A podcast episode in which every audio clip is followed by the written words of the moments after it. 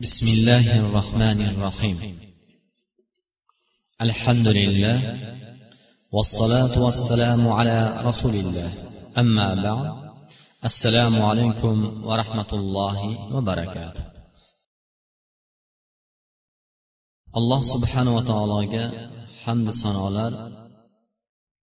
رسول أكرم صلى الله عليه وسلم صلوات لربوسن كم أشبوه muborak kunda juma kunida alloh hammalarimizni qilayotgan amallarimizni va xususan duoning qabul bo'ladigan vaqtlardan biri yomg'ir yog'ayotganda ham mana bu qor yog'ayotganda ham qilingan duolar mustajob bo'lishiga ya'ni sabablardan bittasi ekan. Shuning uchun alloh subhanaa taolo hammalarimizni niyatlarimizni xolis qilsin.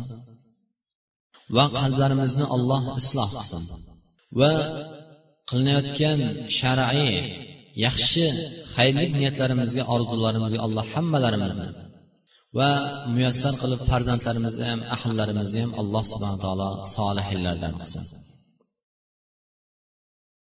demak o'tgangi jumamizni davomi عن أم المؤمنين أم عبد الله عائشة رضي الله عنها قالت قال رسول الله صلى الله عليه وسلم يغزو جيش الكعبة فإذا كانوا ببيداء من الأرض يخسف بأولهم وآخرهم.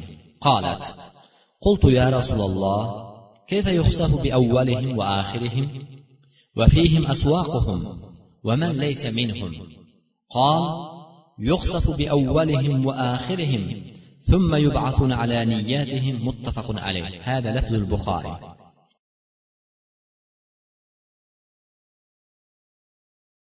Oysha onamiz roziyallohu anha ummul mo'minin rivoyat qilib rasululloh sollallohu alayhi vasallam ushbu hadisi marhamat aytadilarki u zot aytdilar payg'ambarimiz sollallohu alayhi vasallam yag'zu jayshul kaba.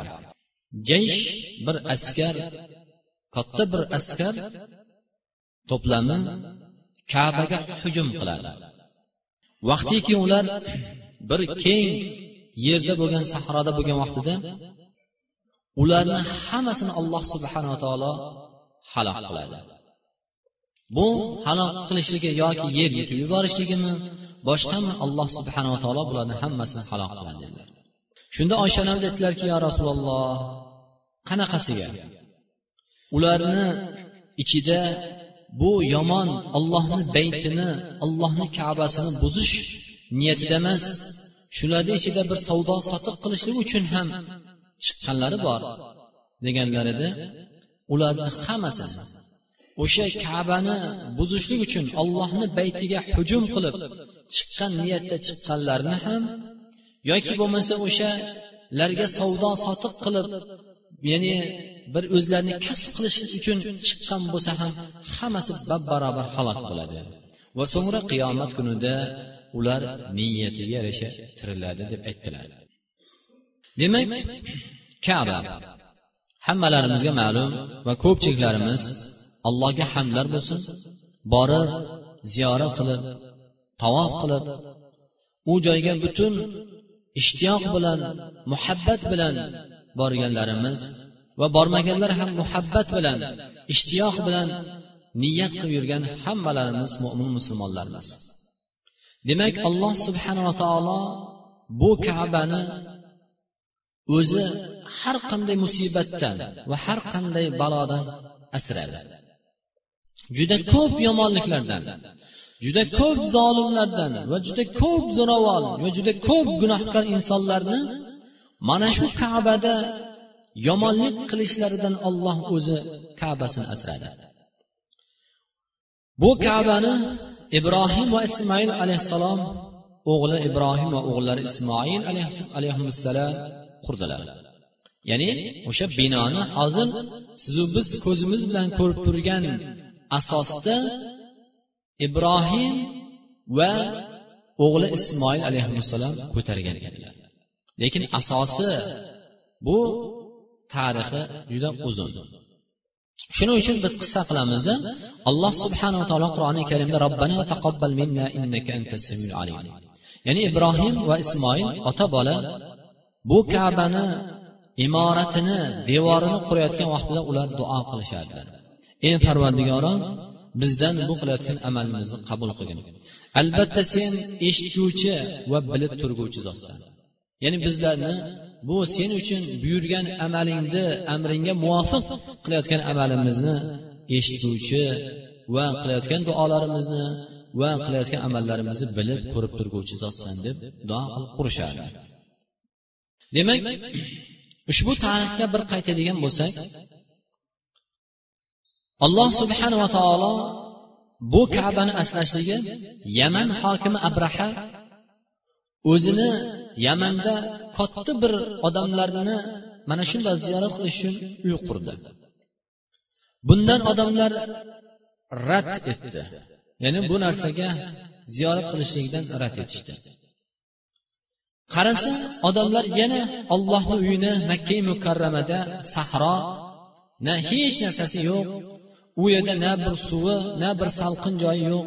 Ya'ni sahro bo'lgan bir joyda tog' toshlik joyda ollohni uyini tavof qilishyapti. Va al muhim qissadan bu narsani biz yana tarixga qaytishligimiz uchun vaqtimiz juda ko'p kerak lekin abraham juda katta bir sanoqsiz askari bilan ollohni uyini buzishlikka ya'ni yurish qildi. Kaba makkai mukarrama tomonga. Va bu abraha o'zini askarlarini bilan fil juda ulug' katta fillarni ham olib kelgan edi. Ya'ni ollohni uyini bir harakatda buzib yakson qilib tashlashlikni niyat qilgan holatda kelgan edi. Vaqtiki abraha bu askarlari bilan mug'ammas makkaga yaqin bo'lgan joy ismi makon makonni ismi mug'ammas degan joyda fil umuman to'xtab qoladi. Ba'zi bir rivoyatda nufayl ibn habib degan kishi o'sha filni ulkan juda ulug' bo'lgan bu filni qulog'iga aytgan ekanlarki ey mahmud bilasanmi sen hozir qayerga ketyapsan? Ollohni uyini buzishga ketyapsan degan ekanlar. Ana shundan keyin mutlaq yurishdan to'xtagan. Ekan uni har qancha urmasin sudramasin boshqa qilmasin fil hech yurmagan ekan. Lekin yaman tomonga yoki mashriq mag'rib tomonga qiladigan bo'lsa yurib chopib ketgan ekan. Lekin kaba tomonga sudradigan bo'lsa bir qadam ham mana shu mug'ammas degan joydan o'tmagan ekan. Shuning uchun ham alloh subhanava taolo qur'oni karimda fil surasida أعوذ بالله من الشيطان الرجيم بسم الله الرحمن الرحيم ألم تر كيف فعل ربك بأصحاب الفيل ya'ni mo'minlarga xitob qilib rasululloh sollallohu alayhi vasallam o'zini tug'ilishidan oldin ellik kun oldin bo'lgan ushbu voqea ya'ni kabani buzishlikka yurish qilib kelgan katta sanoqsiz askar bilan kelgan abrahani qissasini alloh subhana taolo qur'onda zikr qilib qoldi bu mo'minlarga ibrat bo'lsin. Mo'minlarni qalblari uyg'onadigan ularni iymoni ziyoda bo'lishiga sabab bo'lishligi uchun alloh subhana taolo hikmatan qur'oni karimda to qiyomatgacha keladigan mo'minlarga ibrat qilib qoldi. Kofirlarga zolimlarga saboq bo'lishligi uchun allohni qudratini qanday ulug' zot ekanligini alloh subhanava taolo saboq bo'lishi uchun mana bu qur'onda alohida bitta sura bilan olloh ushbu voqeani bayon qildi. Alam tara kayfa fa'ala robbuka bi ashabil fil? Ko'rmaysizlarmi?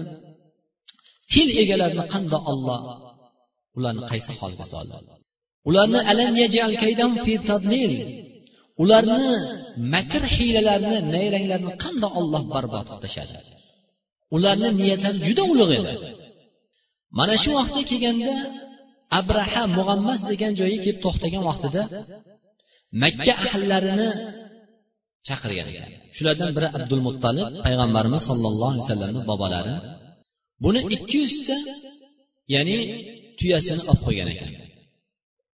Qani makkani ashroflaridan ulug'laridan meni oldimga chaqiringlar deb yuborgan vaqtida abdul muttolibni olib kelgan ekanlar. Ya'ni o'sha vaqtida makkani ya'ni hojilarga kelayotgan hajlarga xizmat qilishi boshqa boshqalarni mas'ulligi abdul muttolib ya'ni boshliq edi. Payg'ambarimiz sollallohu alayhi vasallamni bobolari u ikki yuzta qulni kelib suhbatda bo'lgandan keyin ikki yuzta tuyasini kelib so'ragan ekanlar. Shunda abraha aytgan ekanki vaholanki mendan sen tuyangni so'rayapsan nimaga bu ollohni uyini saqlashligini sen so'ramayapsan? deganda chunki men tuyani egasiman. Tuya meniki. Olloh menga bu tuyani mulk qilib berdi. Lekin bu uy ollohniki u uyni olloh o'zi robbisi ya'ni parvardigor olloh o'zi asraydi degan ekan ana shundan keyin nima qildi? Alloh subhana taolo va arsala alayhim toyron ababil. Sanoqsiz qushlarni yubordi osmonda qarangki ollohni qudratini. Biz qush deydigan bo'lsak bizni ko'zimizga eng zaif bizga muhtoj bizni rahm shafqat bilan muhtoj deymiz qushlarni bitta qushni bir ozgina bir harakat bilan o'ldirib qo'yishlikka qudratli his qilamiz birodarlar. Sanoqsiz qushlarni to'p to'p qilib yubordi. Ana shu ulkan fil bilan fillar bilan va sanoqsiz lashkari bilan unaqangi qushlarni san sanoqsizni yo'qotib yuboradigan mana shunday ulkan bir askarlarni olloh zaif bo'lgan bitta o'zini maxluqi bilan qushlar bilan halok qilib tashladi ya'ni ularga mana bundoq qushlarga ularni har birini og'zida sopol ya'ni no'xatdek no'xatda keladigan mana bundoq toshlar bilan. Va ba'zi rivoyatlarda har biri uchtadan tosh bilan kelgan og'zida va ikkita oyog'idan bittadan bo'lib uchtadan tosh bilan kelib. Ularni tepasiga kelganda tashladi toshni toshlar tushgan toshlar har biri kimga tushadigan bo'lsa o'shani boshidan kirib orqasidan chiqib ketgan ekan. Alloh subhana taolo qandoq sifatlab berdi ularni xuddi ko'kat o'simliklarga o'tlarni hasharotlar yeb qandoq ilma teshik qilgan bo'lsa bularni alloh subhana taolo ana shu qushlar olib kelgan tosh tashlangan otilgan tosh ularni butun badanini mana shu ilma teshik tashlagan ekan. Birontasi omon qolmagan ekan. Alloh subhana taolo mana shu ushbu surada ularni holatini bayon qildi. Demak mana shunday holat ham bo'lar ekan qiyomatga yaqin lekin ana shu holatda oysha onamiz roziyallohu anhu ularni ichida yo rasululloh bu ollohni uyiga baytiga kabani buzish uchun bunaqangi niyatda emas hech bular ixtiyoriy emas yoki bo'lmasa o'shanaqangi bular tirikchilik qilaman rizq non nasibam topamanmikan degan niyatda chiqqani bor deb achinib so'ragan ekan o'shalarni ichidagi. Lekin rasululloh nima dedi? Hammasini barobar olloh halok qiladi dedi. Qur'oni karimda alloh subhanava taolo haj surasi yigirma beshinchi oyatida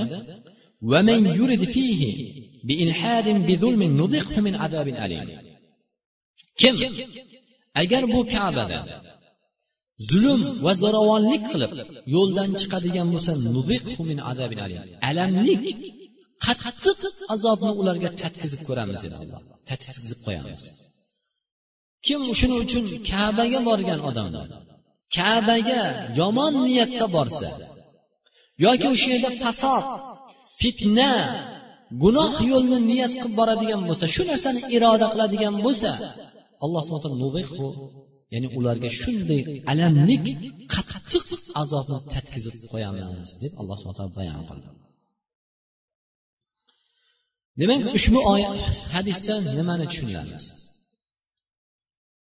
mana shu holat demak qiyomatga yaqin ham mana shundoq katta bir askar to'pi to'plami mana shunday ollohni baytiga hujum qilar ekan. Lekin ular ana shunday kenglik bo'lgan bir yerda olloh ularni ana shunday ya'ni azob halok qilar ekan. Lekin ularni ichida yaxshilari ham bo'lar ekan. Ya'ni bu ollohni uyiga hujum qilmagan ularga qasd qilmagan niyat qilmaganlar ham bo'lar ekan. Lekin alloh qur'oni karimda anfol surasida vattaqu fitnatan la tusibannallazina zalamu minkum xossa va'lamu annalloha shadidul iqob mo'minlarga xitob olloh qo'rqinglar. Ya'ni zolim zolimlarga kofirlarga yuboriladigan azob ularga xos bo'lmaydi. Faqat ularni o'ziga xos bo'lib qolmasligi mumkin. O'shalarni ichida birga bo'lgan hamroh bo'lgan yaxshi niyatda bo'lgan solih odamlarga ham barobar kelib qolar ekan. Vattaqu ya'ni bilinglar albatta olloh nihoyatda qattiq azoblik ya'ni azoblaydigan zotdir deb alloh qur'oni karimda bayon qildi. Shuning uchun azizlar ushbu hadisdan inson yuradigan oshna og'aynasini yoru birodarlarni ham solihlarni tanlash kerak. Chunki fasod gunohda yurgan inson bilan birga bo'ladigan bo'lsa musibat kelsa ikkovi ham barobar ketar ekan. Yo bu yaxshi edi buni niyati bunaqa emas edi. Buniga ke buni keyin qolsin demas ekan. Balo bab barobar kelar ekan. O'sha halokatda o'sha azobda bab barobar yaxshi ham yomon ham ketar ekan. Lekin lekin qiyomat kundachi niyatiga yarasha tiriladi kim qaysi niyatda qilgan bo'lsa o'sha niyatiga yarasha o'sha makonda o'sha joyda ya'ni tiriltirilar ekan. Demak undan keyingi hadis. Abdulloh abi abdullah jabr ibn abdullah ansoriy aytadilarki roziyallohu anhu qol كنا مع النبي صلى الله عليه وسلم في غزاة فقال إن بالمدينة لرجالا ما سرتم مسيرا ولا قطعتم واديا إلا ما إلا كانوا معكم حبسهم المرض إلا وفي رواية إلا شركوكم في الأجر رواه مسلم imom muslim. Rivoyat qilgan ushbu abu abdulloh jabr ibn abdulloh ansoriy roziyallohu anhu aytadilarki rasululloh sollallohu alayhi vasallamdan bir g'azvatda edi. U kishi aytdilarki madinada shundoq kishilar bor. O'zlari tabukda. Ya'ni qol rajani min g'azvat tabuk ma nabiy sallallohu alayhi vasallam ya'ni tabuk g'azvatidan qaytayotgan vaqtida tabuk bilan madina o'rtasida ancha masofa bor. Kilometr ancha uzun masofasi bor. Shahar ikki shahar o'rtasida. Demak ana shu tabukdan qaytayotgan vaqtlarida rasululloh ashobalarga ya'ni sahobalarga aytgan ekanlar. Madinada shundoq kishilar borki sizlar qaysi bir yo'lni bosmanglar qaysi bir vodiyni bosib o'tmanglarki albatta ular sizlar bilan birga deganlar o'zlari madinada madinati nabaviyada lekin sahobalar qayerda tabukda. O'rtasida juda katta masofa bor. U vaqtidagi safar piyoda otda issiq bunaqangi mashinalar yo'q yengil dam oladigan salqin joylar yo'q. Mashaqqat birodarlar safar mashaqqati. Bugungi kunda biz sakson yuz kilometrga agar mashinada borib keladigan bo'lsak ham birodarlar safar mashaqqatini tortamiz juda charchaymiz. Shuning uchun ham alloh subhanava taolo musofirga sakson ikki kilometrdan ziyoda safar qiladigan odamga uch kecha kunduzlik yo'ldan ortiq safar qiladigan odamga shariatimizda juda ko'p yengilliklarni alloh subhana taolo hukmlarni yengil qilib berdi. Mahsiga masx tortishdi ya'ni uch kecha kunduzda bitta yuvishlik yechishlik yoki bo'lmasa namozni qasr qilib o'qishlikka ro'zani tutishlik tutmaslik ixtiyoriy bo'lgan holatida juda ko'p holatini alloh subhana taolo hukmlarni bizlarga yengil qilib berdi. Sababi safar mashaqqati bor. Lekin sahobalar mana shunday uzoq bir safar mashaqqatini tatib ko'rgan odamlar bilan madinada uyda o'tirgan odamlar birga dedilar. Savobda ajrda bab barobar sizlar bilan dedi. Ular kimlar? Ular ya'ni bir uzr yoki bir kasallik ularni shu yo'ldan safardan olib qoldi. ya'ni niyatlari bor edi. niyatlari birga safar qilish edi. shuning uchun qaysi bir inson agar bir yaxshi amalni niyat qiladigan bo'lsa bir narsa to'sqinlik qilib qoladigan bo'lsa birodarlar o'sha niyatiga yarasha ajr olar ekan o'sha qilgan niyatiga yarasha alloh subhana taolo ajr savob berar ekan.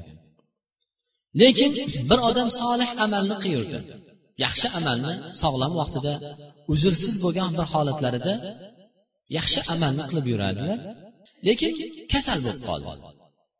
Bu odam ham nima qiladi? O'sha solih vaqtida qanaqangi yaxshi sog'lom vaqtida qandoq amal qilib ajr savob olsa kasal bo'lgandan keyin o'sha ajr savobni berar ekan.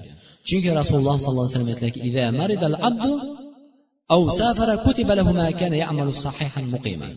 agar banda kasal bo'lsa yoki safar qiladigan bo'lsa u odam sog'lom va muqim hozir bo'lgan holatda qandoq ya'ni mukofot ya'ni ajr yozilsa o'sha narsa yoziladi deb xuddi shuningdek bir odam jamoatga masalan masjidga besh mahal namozga jamoatga qatnardi nimadir sabab bo'ldi uzr kasallik bo'ldiyu jamoatga chiqolmadi bu odam yoki bo'lmasa uxlab qoldi. O'sha jamoatga chiqib o'qilgan ajr savobni olar ekan.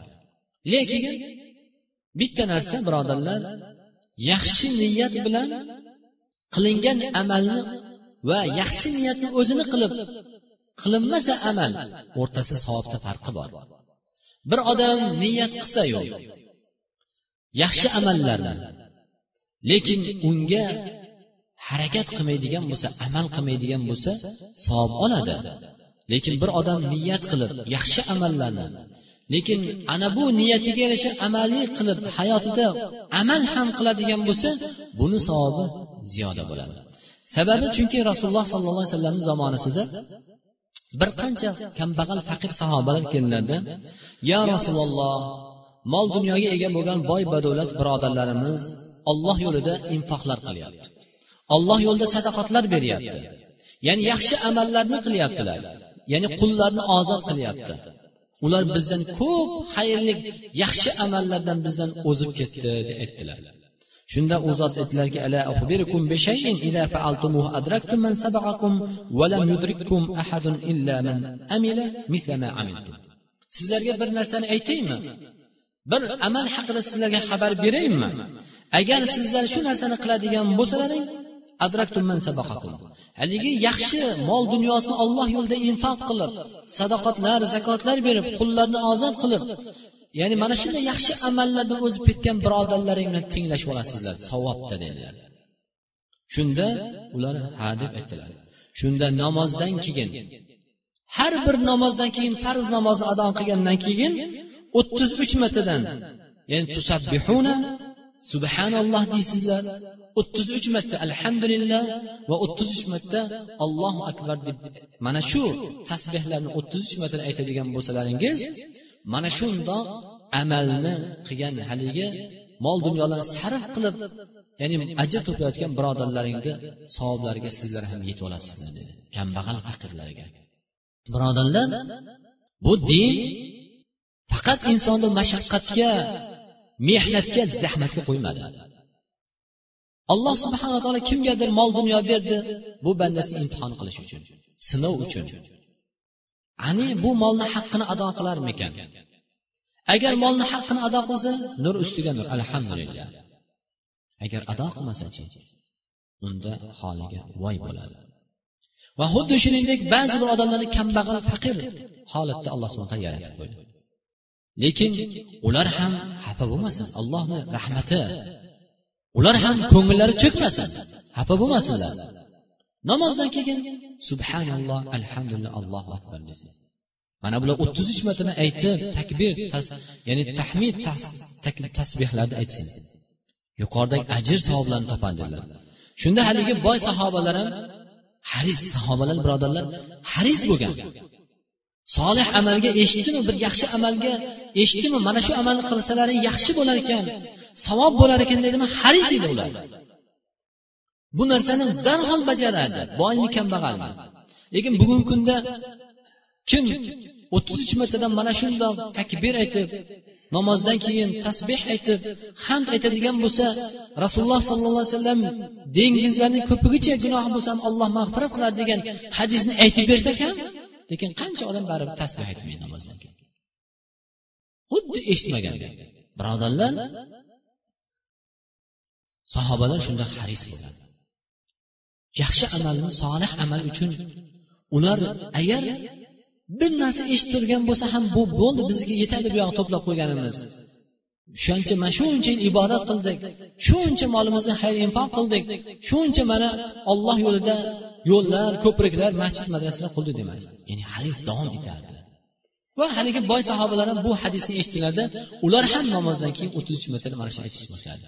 Haligi sahobalar keldida yana kambag'al sahobalar yo rasululloh u birodarlarimiz yana bu biz qilayotgan amalni qilishyapti deganda endi u zot aytgan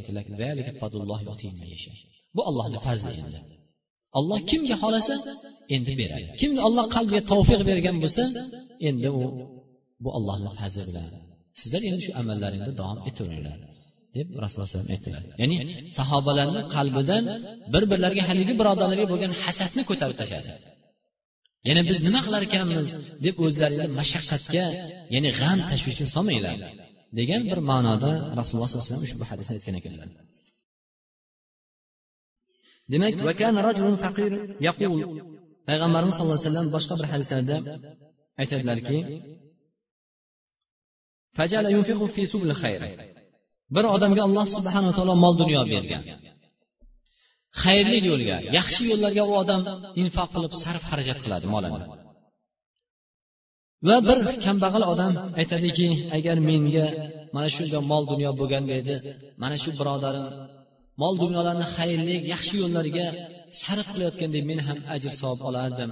Shu amalni qilardim deb haligi odam ham aytadi. Bu ham niyati bilan. Ikkovi ajrda barobar dedilar. Mukofotda ikkovi ham barobar.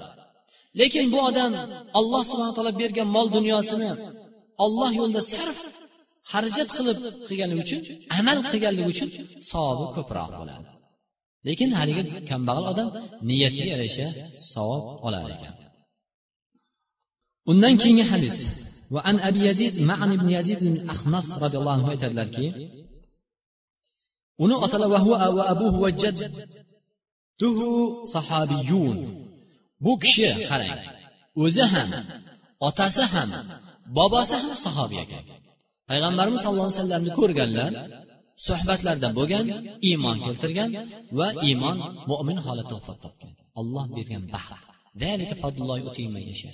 olloh mana bunday baxtni kimga xohlasa berar ekan birodarlar قال كان أبي يزيد أخرج دنانير ويتصدق بها فوضعها عند رجل في المسجد أبي يزيد أبو يزيد دينار يعني pul chiqarib bir qushini qo'liga masjidda qo'ydi. Ya'ni shu narsani mustahiq odamlarga infoq qiling deb bir odamga tashlab ketdi. Haligi kishini abu yazidni o'g'li yazid keldida haligi otasi sadaqa qilmani tarqatib yuboring deb haligi kishini qo'yib ketgan odamni oldiga kelib haligi otasi tashlab ketgan mol dunyoni olib ketdi. Pulni olib ketdi. Faqol otasi aytdiki men bu odamga pulni berib senga bergin deb niyat qilmagandim. Qasd qilmagandim buni va ota bola tortishib qoldida shu masala ustida rasululloh sollallohu alayhi vasallamni oldiga keldilar. Ya yazid ravohi buxoriy imom buxoriy rivoyat qilgan hadisda sen nimani niyat qilgan bo'lsang ey man otasiga aytdilar o'shani olding va sen nima niyatda olgan bo'lsang sen o'sha niyatingni topding dedilar. Ya'ni ota bola demak haligi joyda inson masjidda o'tirgan odam pulni olgan odam yumkin u o'g'illigini bilmagandir yoki bo'lmasa u haqli deb bilgan shunga haqli bo'lgan bo'lsa kerak sadaqaga. Shuning uchun haligi berib yuborgan odamga haligi sadaqa kelgan odamga berib yuborgan haligi pulni olgan odam. Demak muhim nima birodarlar? Muhimi niyat. Niyat hayotimizga bir o'zimizni hammalarimiz umrlarimizni hisob qilaylikda. Qilgan yoshligimizda qilgan niyatlarimiz. Yoki otalar farzandlariga qilgan niyatlari amalga oshayotganligini. Niyatimizga yarasha hayotimiz amallarimiz bo'layotganligini birodarlar bir o'zimiz hayron qolamiz. Shuning uchun ollohni oyatiga rasulni ushbu hadislariga birodarlar qoyil qolamiz. Agar biz o'zimizni umrimizni hisob qiladigan bo'lsak agar qilgan niyatlarimizni amalga biz xohlagandek emas liman nashau. Ya'ni ma nashau liman nurid. Biz xohlaganimizcha va kimga xohlasak degan ushbu ollohni oyatiga qanchalik mo'jiza ekanligini birodarlar qoyil qolmasdan iloji yo'q. Agar biz umrimizni o'tgangi umrlarimizni hisob qilsak qilayotgan niyatlarimiz bir mana bundoq bundoq qilaman agar olloh menga mol dunyo bersa yoki alloh subhana taolo menga umr bersa mana bu ishlarni qilaman yoki olloh farzand bersa mana bu bunday holatda ta'lim tarbiya qilaman. Mana bundoq to'y qilaman deb nimani niyat qilayotgan bo'lsak hayotimizda o'sha o'sha narsalar vaqti sazmi olloh xohlaganicha kelayotganligini birodarlar qoyil qolmaslik iloji yo'q niyat birodarlar bu muhim narsa. Shuning uchun hayotimizda bironta bir amal yo'qki niyatsiz bo'lmaydigan amal.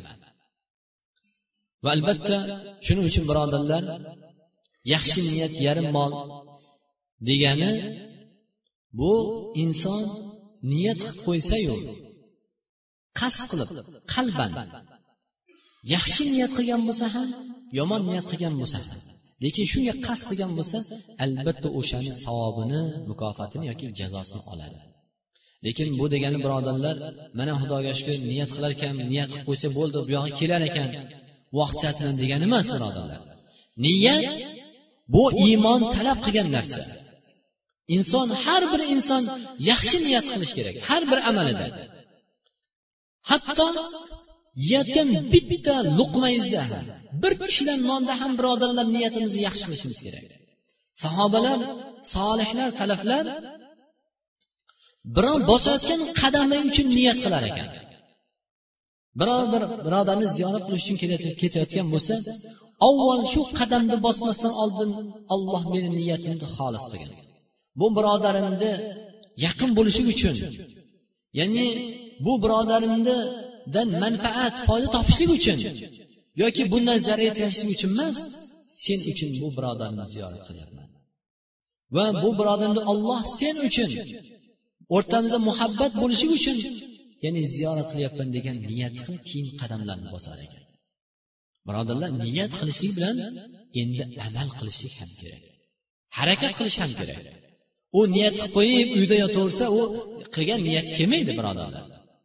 Alloh subhanava taolo sizu bizlarga rizqni ollohdan deb bilishlik iymon.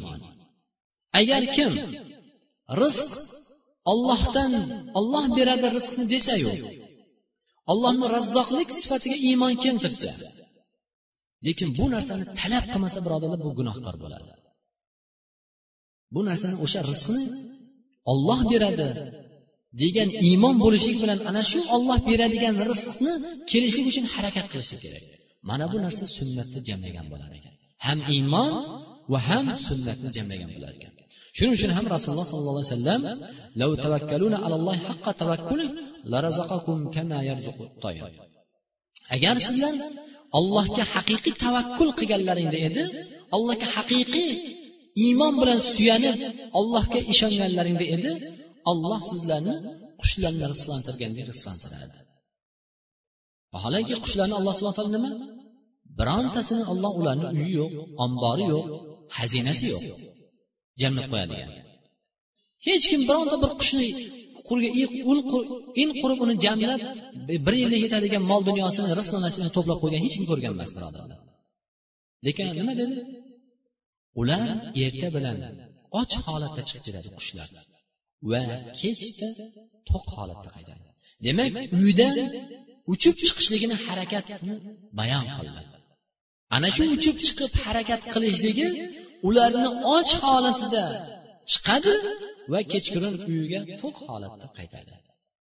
Shuning uchun birodarlar ikki narsani iymon va sunnatni qur'on va sunnatni jam qilishi kerak.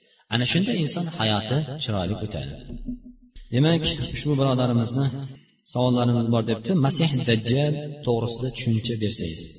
Demak inshaalloh xudo xohlasa keyingi jumaga vaqtimiz ham tig'iz masih dajjal masalasida inshaalloh batafsilroq kengroq o'sha bu narsa g'aybiy bo'lganligi uchun bironta bir inson ko'zi bilan ko'rmaganligi bu narsani bilmaganligi uchun bu masalada faqat ya'ni mutavotir bo'lgan qur'on va sunnatdan sunnatda ham mutavotir hadisga muvofiq aytiladi birodarlar bu narsa birov masih dajjal boshqa deyilmaydi shunga muvofiq inshaalloh alloh nasib qilsa keyingi jumamizda bu narsaga batafsilroq qaytib hammaga barobar inshaalloh foydalanamiz qaytamiz va sallallohu ala sayyidina nabiyina muhammad va ala alihi va ajmain بسم الله الرحمن الرحيم اللهم انا نسالك الثبات في الامر والعزيمه على الرشد ونسالك شكر نعمتك وحسن عبادتك ونسالك قلبا سليما ونسالك لسانا صادقا ونسالك من خير ما تعلم ونعوذ بك من شر ما تعلم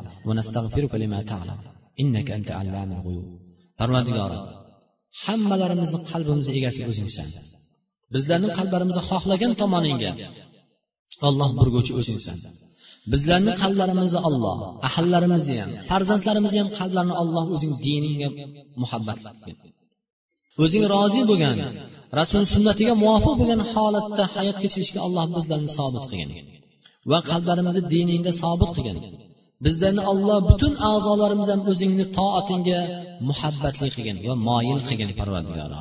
Bu birodarlarimizni qadam bosib kelgan birodarlarimizni alloh niyatlarimizni hammalarini isloh qilgin alloh hammalarimiz zurriyotlarimiz bor yaxshi niyatlarimiz bor.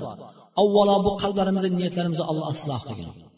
Alloh qalbimizdagi yaxshi shar'iy orzularimizni alloh muyassar qilgin. O'zlarimizni olim boamallardan qilgin.